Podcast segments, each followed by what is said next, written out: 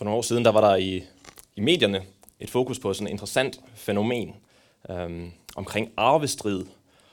Og øh, arvestrid, det er så noget, der opstår i en, en familie, hvor der er sket et dødsfald, og hvor der så er en arv involveret, og hvor søskende eller relaterede de personer, som kan stå til arvearven, så kommer op i op og tottes med hinanden omkring, hvem der skal have hvad, og hvem der skal dele, hvordan den her arv skal deles. Og øh, den der forbindelse med, at det var oppe i, i medierne, så lavede det en undersøgelse, hvor det viste sig, at op mod hver femte arving havde været involveret i en, i en sådan arvestrid. Og øh, også i samme forbindelse, så kørte Kristelig Dagblad sådan en, en artikel, som de kaldte Til arvesøllet og skiller, som handlede omkring det her emne, og som stillede nogle det her spørgsmål omkring, hvad er det, der gør ved sådan en arvestrid? Hvad er det, der gør ved sådan en arv, at, at folk så nemt kan komme op og, og strides over det her, kan så nemt komme, at der så nemt kan opstå brudte relationer og spændinger på grund af sådan en arv her. Og øh, ja, i den her artikel, den konkluderer, at, at i, grund, i bund og grund, så er det sjældent, at de her konflikter, det egentlig handler om, om selve arven, men at i, stort, i langt de fleste tilfælde, at det er nogle, sådan nogle sky, fortrængte følelser og nogle hvad hedder det, søskende relationer osv., som kommer op og ligesom bliver aktiveret i forbindelse med den her, øh, det her spørgsmål omkring den her arv. Men øh, i den her artikel, der var der også øh, en, en kvinde ved navn Bente, som havde været involveret i en arvestrid. Og hun, hun, er også hun er ærlig omkring de forskellige ting, de forskellige følelser, som også kom op i deres søskende flok, da, da de skulle dele den her arv. Men hun er også ærlig omkring, at der faktisk også var en anden væsentlig faktor i, deres, i den her, der gjorde, at de kom op og, og være så uenige med hinanden, og så strides med hinanden. Øh, en anden fortrængt følelse, og nemlig, den følelse er nemlig grådighed, siger hun selv. Hun siger sådan her, i forbindelse med hendes egen afstrid, hendes egen familie der, at ingen af os var særlig optaget af ting, men alligevel var det skræmmende at se, hvordan grådigheden greb om sig.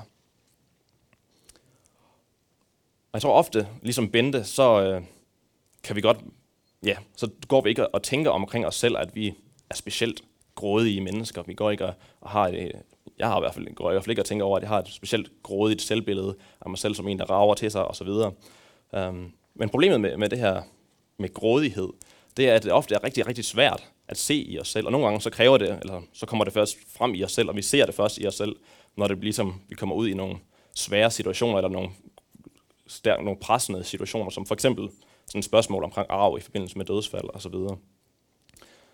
Og jeg tror, en af grundene til, at, at det er rigtig svært at se som grådighed i os selv, er, at vi ofte sammenligner os selv med mennesker, som lever omkring os, og de fleste af de mennesker, som ofte lever omkring os, er mennesker, som er cirka på samme indtjeningsniveau som os, og som måske bruger lige så mange penge på dem selv, som vi gør. Så, så når vi sammenligner os med dem, så, så, ser vi, så, så er vi da ikke særlig grådige. Så er vi da, ikke, så, så er vi da meget pæne, og vi kan hurtigt finde, i hvert fald i vores, måske i vores nabolag eller vores omgangskreds, finde mennesker, som bruger flere penge på sig selv, end vi gør i hvert fald.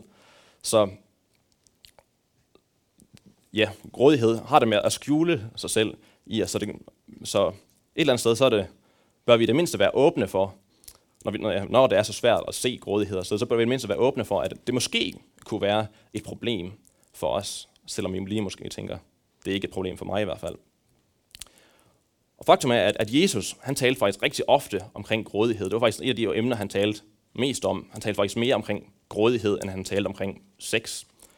Og øh, han advarede gang på gang mod grådighed. Og en af de gange, han talte omkring det her emne, var faktisk også i forbindelse med en, en arvestrid. Og øh, det var i, kan vi læse omkring, en beretning, vi kan læse omkring i Lukas evangeliet, kapitel 12, vers 13-21. Og øh, det er den passage, den beretning, vi gerne vil, vi, skal, vi vil kigge på lidt den her formiddag. Og øh, som sædvanligt, der havde Jesus samlet sig store skare omkring sig, øh, da han underviste. Og, øh, men på et tidspunkt, så var der en mand, som havde mast sig igennem skarne og var kommet op til Jesus. Og øh, han var kom, ja, kom tæt på Jesus, og han, han, han råber ud og, og siger til Jesus, Mester, sig til min bror, at han skal dele arven med mig. Mandens far var for nylig afgået ved døden, og øh, ifølge loven dengang, der skulle sønnerne arve hans gods, al hans ejendom, al hans, hans penge. Og der var allerede en lov, en, en forskrevet lov, som bestemte, hvor meget de enkelte af sønnerne skulle have af den her del af arven, hvor stor del de skulle have af arven. Men til sydenladende havde hans bror taget hele arven til sig selv. Og manden gjorde nu så, hvad de fleste normale mennesker vil gøre på det tidspunkt, hvis de kommer ud i sådan en situation. De gik hen.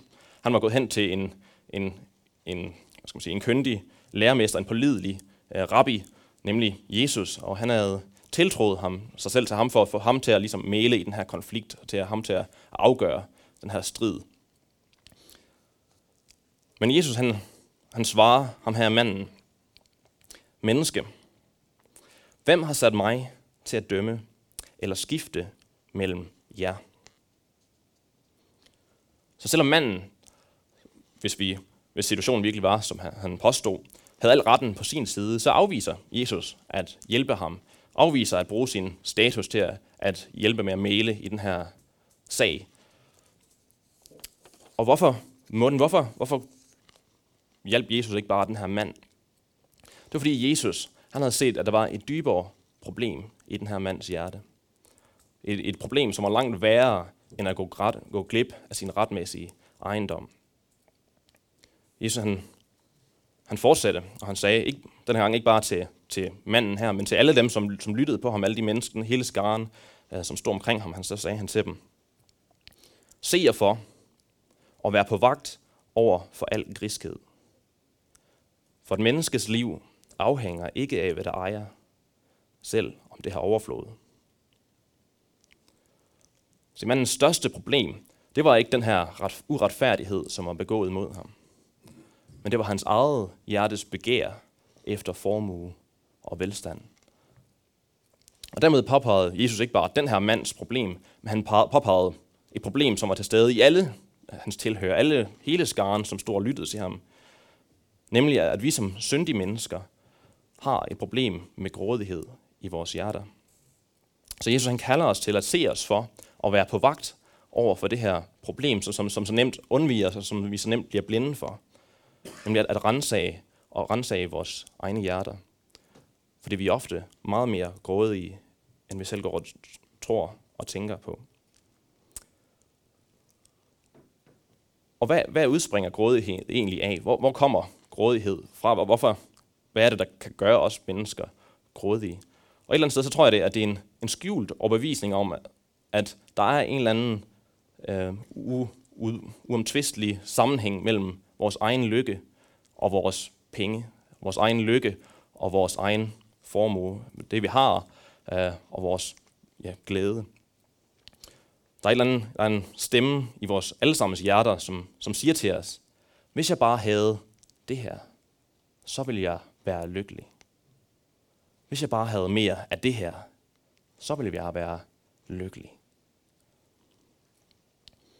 Og et eksempel på den her tankegang, som øh, det kan vi for eksempel, har jeg i hvert fald set i mig selv, og har set, øh, ja, er når, når vi for eksempel møder, ser fattige mennesker, eller møder fattige mennesker for eksempel i, i udlandet, og ser, at de faktisk kan være lykkelige, øh, selvom de ikke har så meget. Og nu har jeg arbejdet på en efterskole, hvor vi tager ud og rejser en del nogle år, og øh, så jeg har været med nogle hold fra, fra, fra efterskolen der til Zambia og Kenya, og mødt mange mennesker, som ikke havde særlig meget, særlig meget at leve for. Øh, og så hver, og så når vi så kom hjem, så har vi altid, har altid bedt eleverne om at skrive en evaluering af rejsen, omkring, skrive lidt omkring, hvad de har oplevet og hvad de har lært på den her rejse. Og hver eneste gang, uden, øh, uden tvivl, så er der nogen, som skriver, at de har opdaget, og det, der har overrasket mest, var, at de her mennesker, de havde været sammen med, kunne være lykkelige, selvom de havde så lidt. Og det afslører lidt den her idé, som, som nemt er i os alle sammen, om at, at vores lykke hænger sammen med, hvor meget vi ejer. Um, så der er en eller anden skjult logik i os, som siger, at, at man er mere lykkelig, hvis man har en Samsung Galaxy S8, end hvis man har en iPhone 4. Eller hvis man bor, man er mere lykkelig, hvis man har en, et hus på 240 kvadratmeter, end hvis man har eller bor i en lejlighed på 75 kvadratmeter. Men selvom, ja, nogle gange er der er her skjulte idé inde i og så hvis man spørger de fleste mennesker, tror jeg, at de fleste mennesker øh, og gav dem tid til at tænke over det, vil faktisk være enige omkring det her, Jesus han siger. Altså være, en, være egentlig, både fra deres egen erfaring og fra andre menneskers erfaring, altså have set, at altså, i det store billede, så er der faktisk ikke nogen direkte sammenhæng mellem vores lykke og vores egen del, eller vores formue. Der er ikke nogen direkte sammenhæng, men alligevel så lever vi ofte, som om det er sandt, eller som om, at der var den her sammenhæng.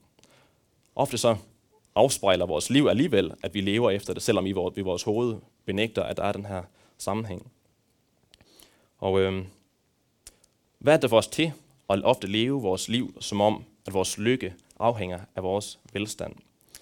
Og jeg tror, der er i hvert fald tre faktorer på spil, altså tre ting, som, som penge eller som materielle goder lover os. Øhm, og for det første, så tror jeg, at, at altså, ja, taler til, tror jeg, at penge og velstand taler til vores hjerte og lover os, at, at de, de lover os værdi. De lover os, at, at hvis jo mere vi har, jo mere er vi. Og jeg tror, det er også en, en del af vores, kan man sige, vores samfund og kultur, at, at, der, at der bliver sat den her sammenhæng mellem, at vores værdi bestemmes efter, hvor meget vi har, eller hvor godt vi, hvor, som sige, godt på den øh, materielle måde, hvor godt vi lever. For eksempel, hvis man kigger på eksemplet i reklamer, altså det er jo det ligesom budskabet i reklamer på fjernsynet. Det er ikke bare, at hvis du har det her, så har du noget mere. Det er, hvis du har det her, så er du noget mere. Altså hvis man ser en reklame omkring parfume, det er jo ikke bare, at hvis du har, så dufter af den her parfume, så dufter du mere attraktivt. Pointen med reklamen er, at hvis du har den her parfume, så er du mere attraktiv, og så videre. En anden ting, som penge lover os, og penge og velstand, de øh, ja, lover os, det er, at, at vi får tryghed, hvis vi har dem. Øh, hvis vi har en god pensionsopsparing, hvis vi har en god friværdi i huset, eller hvis vi har en, en god bankopsparing, så giver det os sådan en følelse af kontrol, en kontrol for fremtiden. Vi ved, at uanset hvad der sker, så har vi noget at gøre godt med, så har vi nok til at klare os selv i fremtiden. Og det er jo en tryg fornemmelse. Og for det tredje, så lover penge og velstand os tilfredsstillelse. Altså at vi kan stille alle vores behov og lyster, hvis vi har lyst. Um, for eksempel hvis vi har lyst til at tage ned på sydpå på ferie, og vi har nok penge, så kan vi jo bare gøre det. Der er ikke noget, der hindrer os. Eller hvis vi har lyst til at tage ud og spise god mad på en, en dyr restaurant, så kan vi bare gøre det, fordi vi har midlerne til det. Så de her tre ting og de tre, jeg, jeg tror, som ja, penge og velstand, de lover os, eller i hvert fald bilder os ind, at de kan, øh, til, kan, kan give os. Altså, øh, de kan give os værdi, de kan give os tryghed, og de kan give os tilfredsstillelse. Og hvem, hvem ønsker ikke de her tre ting? Det lyder da rigtig godt i mine ører, synes jeg. Det kunne jeg da godt tænke mig at have. Men spørgsmålet er jo, om penge og velstand kan levere, om de kan holde deres løfter, og leve op til dem. Men Jesus han siger, nej, det kan de ikke. Han siger, for et menneskes liv afhænger ikke af, hvad det ejer. Og Jesus han uddyber den her påstand med en lignelse. Han fortæller en, en lignelse omkring en mand. At der var en, en bonde, øh, en landmand, som havde en mark, som havde givet rigtig godt. Han havde arbejdet rigtig hårdt, og han var rigtig dygtig til sit fag. Han havde løbende udbygget og effektiviseret sit landbrug, og han havde rigtig mange dygtige og kyndige folk under sig. Han var selv en, en dygtig leder, og han stod op tidlig hver morgen, før alle de andre mødt på arbejde. Han gik sent i seng hver aften. Og årene, der havde han tjent sig en god formue. Men det her år, der havde han tjent, eller der, hans for, der slog høsten alle rekorder. Og da han så de store bunker af korn, der lå uden for hans allerede fyldte lader, så tænkte han ved sig selv, hvad skal jeg gøre? For jeg har ikke plads til min høst. Derefter sagde han til sig selv, sådan her vil jeg gøre. Jeg river mine lader ned og bygger nogen, som er større. Og der vil jeg samle alt mit korn og alt mit gods. Så manden her, han står over for det her problem. Hvis han ikke kan få kornet ind i læ for, og ly for regn og vejr, hvis han ikke kan få det beskyttet mod de vilde dyr, som godt kunne tænke sig at smage på hans, hans korn, så vil det gå fortabt. Og ikke bare vil det være et økonomisk spild, det vil også være madspild. Altså alt maden vil gå til spilde. Så derfor gør han som et, hvad et fornuftigt menneske vil gøre. Han bygger, han udvider sin kapacitet, han udvider sin lader, så han har plads til alt sit korn. Han handler fornuftigt. Og bunden her, han er rigtig tilfreds med sin beslutning. Så han fortsætter sin indre monolog, og han siger til sig selv, som min ven, du har meget gods liggende. Nok til mange år. Slå dig til ro, spis og drik og vær glad. Bunden han har nu en, en betydelig formue sparet op. Hans landbrug det kører godt. Han har dygtige arbejdere under sig, dygtige ledere under sig. Han var formentlig en rig, altså en, ikke bare en, en bundemand, men en, altså en, som stod over stod i toppen af et, et stort landbrug, så han havde højst sandsynligt mange ledere under sig også, som tog sig af de forskellige arbejdere. Og øh, ja, forretningen kunne egentlig sagtens køre uden ham. Han behøvede ikke at føre tilsyn. Hans leder, hans leder, der var under ham, kunne sagtens køre forretningen for ham. Folk i samfundet så op til ham og beundrede ham over hans, hans succes. Og øh, i hans egne øjne og i mange andres øjne, der havde han en høj værdi. Han var et, han var en, en værdifuld menneske, han var en vinder, han var en lokal succeshistorie. Man forestiller forestille sig hans kammerater fra barndommen. Der var højst sandsynligt ingen af dem, som var nået til hans niveau. Måske havde han da ansat nogle af dem som hans markarbejdere. Han havde virkelig nået meget og han var virkelig en velanset øh, mand. Han havde alt, hvad han havde brug for, og han havde øh, mere end nok til at, klare sig selv godt. Han kunne drikke dyr vin til sine måltider. Han kunne have en ansat kok til at lave mad for familien. Han havde, kunne betale den bedste rabbi i, i landsbyen eller i området til at undervise hans børn. Og øh, han, kunne, han havde nok til at kunne tilfredsstille alle sine behov og lyster. Der var ikke noget, han skulle unde sig selv. Og øh, selv hvis, hans, hvis høsten nu skulle blive betydeligt mindre de, de følgende år, der vil han stadigvæk kunne leve behageligt og komfortabelt. Hans formue var stor nok til, at den kunne, kunne dække selv øh, en ringere høst i de følgende år. Der var ikke noget at bekymre sig for. Og der så ikke, noget, der så ikke ud til, at der var noget, der kunne komme i vejen for hans lykke langt ude i fremtiden. Troede han i hvert fald.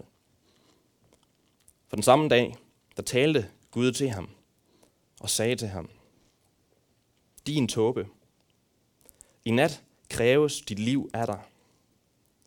Hvem skal så have alt det, du har samlet? Og hvorfor kalder Gud den her mand for en tåbe? Er det ikke lidt groft at kalde manden for en tåbe? Så bunden han har jo gjort hvad, hvad et hvert fornuftigt menneske vil have gjort. Han, han havde udvidet sin, sin lader, han havde fyldt kornet derind i stedet for.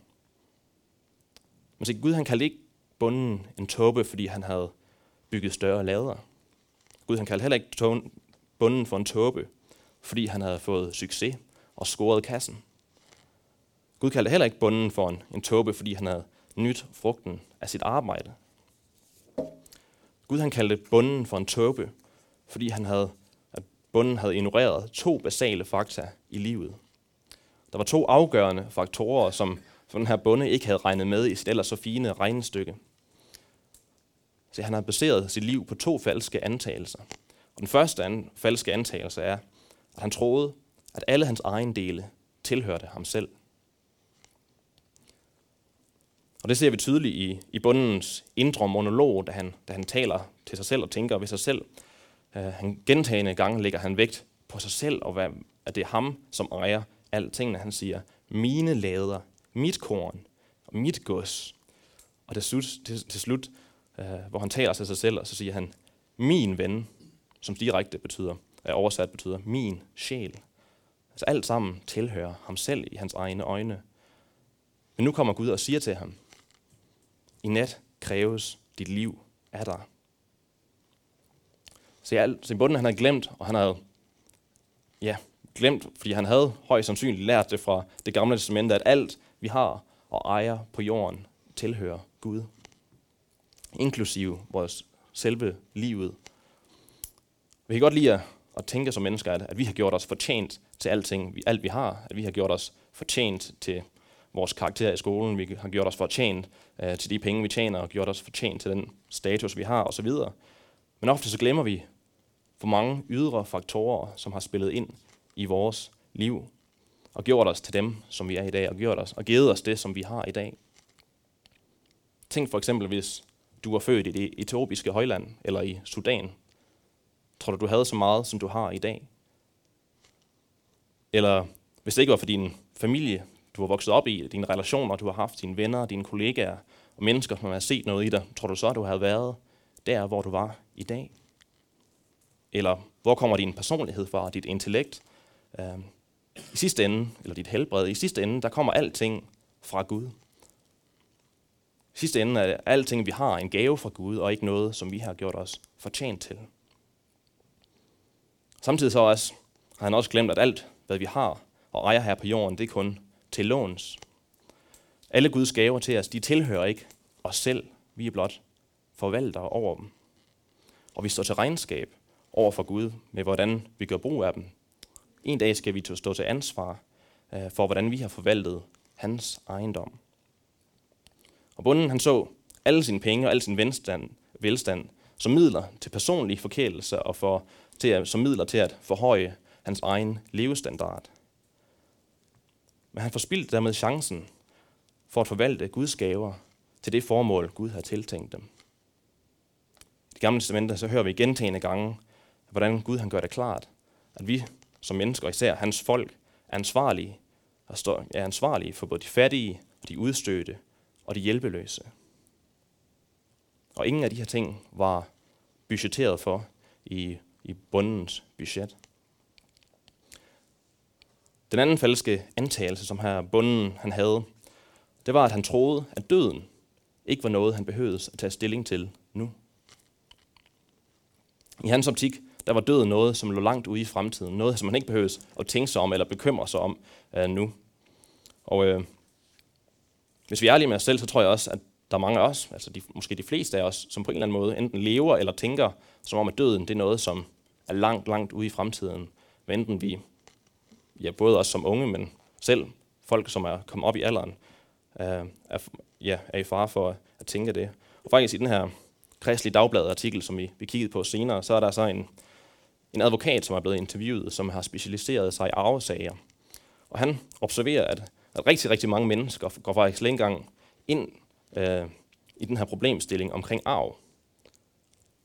Og advokatens øh, svar på, hvorfor han tror, at det er tilfældet, det er, at han siger, fordi folk forventer at leve evigt. Men en af de uomtvistelige sandheder i livet, det er, at vi alle sammen kommer til at dø en dag. Og i sidste ende, har vi ikke den fjerneste idé omkring, hvornår eller hvordan det kommer til at ske. Og når vi dør, kan vi ikke tage en eneste af vores egen del med os. Og det bliver et stort problem for, for, for, for folk, som tænker, eller som har bygget sin identitet og deres, baseret deres liv på det, som de ejer. For hvad sker der så med dig selv, når du dør? Hvis din din identitet og dit liv er baseret øh, på ting i den her verden, så mister du din identitet og dit liv, når du dør. Hvis du finder dit, din værdi i dit hus, eller din bil, eller din karriere, og din garderobe osv., hvad sker der så med din værdi, når du dør?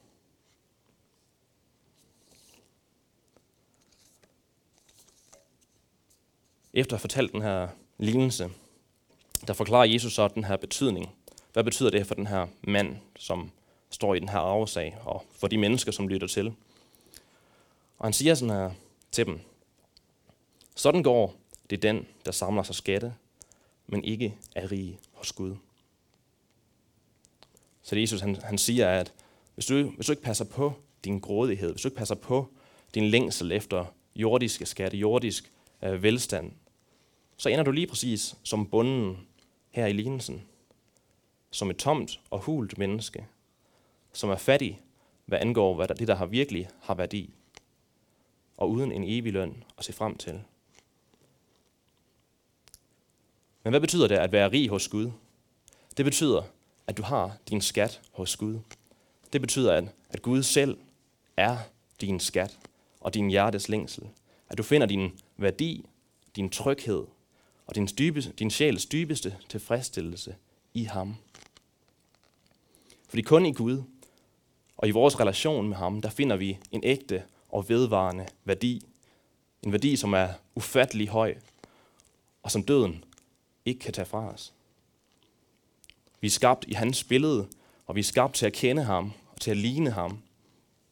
Han beviste og stadfæstede den her værdi, vi har, ved at give sit eget liv for vores skyld. Penge har aldrig givet sit liv for os, men det har Gud. Kun i Gud kan vi finde en tryghed og en sikkerhed, som vi kan betro vores skæbne til. Økonomisk velstand kan tages fra os på adskillige måder, øh, som, I, som mange mennesker har, har erfaret. Og de kan ikke garantere øh, tryghed, hverken i det her liv eller i det kommende. Men Guds løfte om, at han vil aldrig vil forlade os eller lade os i stikken, det er et uovervindeligt og ufejlbarligt løfte og, bas- og et basis for at basere sit håb på. Vi kan hvile i den viden, at selv døden ikke annullerer det her løfte, men at vores sjæl hviler i hænderne på ham, som satte planeterne på deres baner. Og kun i Gud, der kan vi finde en tilfredsstillelse, som opfylder vores dybeste længsler. Kun Gud, han elsker os med en evig kærlighed, som ikke afhænger af vores egen præstation. Som salmisten siger,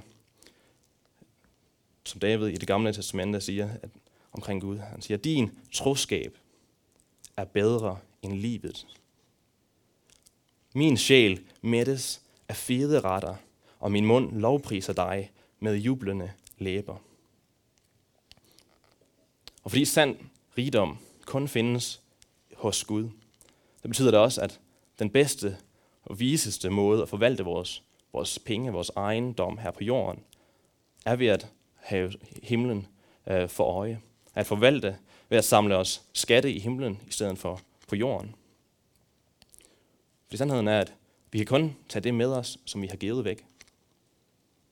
Hvis vi har investeret alle vores ressourcer, som Gud han har betroet os, på, på os selv, kun på os selv, så er hele investeringen tabt, når vi dør. Men derimod, hvis vi investerer det, som Gud han har betroet os med, i andre mennesker, øh, både i deres, for deres, hvad skal man sige, deres, deres liv, men også for deres sjæls øh, gode. Andre mennesker, som er skabt i Guds billede, og som lever evigt. Der kommer vores investering aldrig nogensinde til at gå tabt. Den kommer til at give evigt afkast. Og det var også det her formål, Jesus han var kommet for. Jesus han var kommet, og han gav sit liv for, at vi kunne få en skat i himlen. Jesus han gav afkald på sin rigdom hos sin fader i himlen, så at vi kunne blive rige hos Gud. Jesus liv han blev, blev solgt til døden for 30 stykker sølv af et grådigt menneske, som på mange måder er ligesom os. For at vi, grådige mennesker, dig og mig, kan få liv og liv i overflod. Og det er de gode nyheder, som Jesus han kom med. At vi kan slippe fri for vores hungeren efter tomme ting, efter tom jordisk velstand, og i stedet for blive rige hos Gud. Amen. Lad os bede sammen.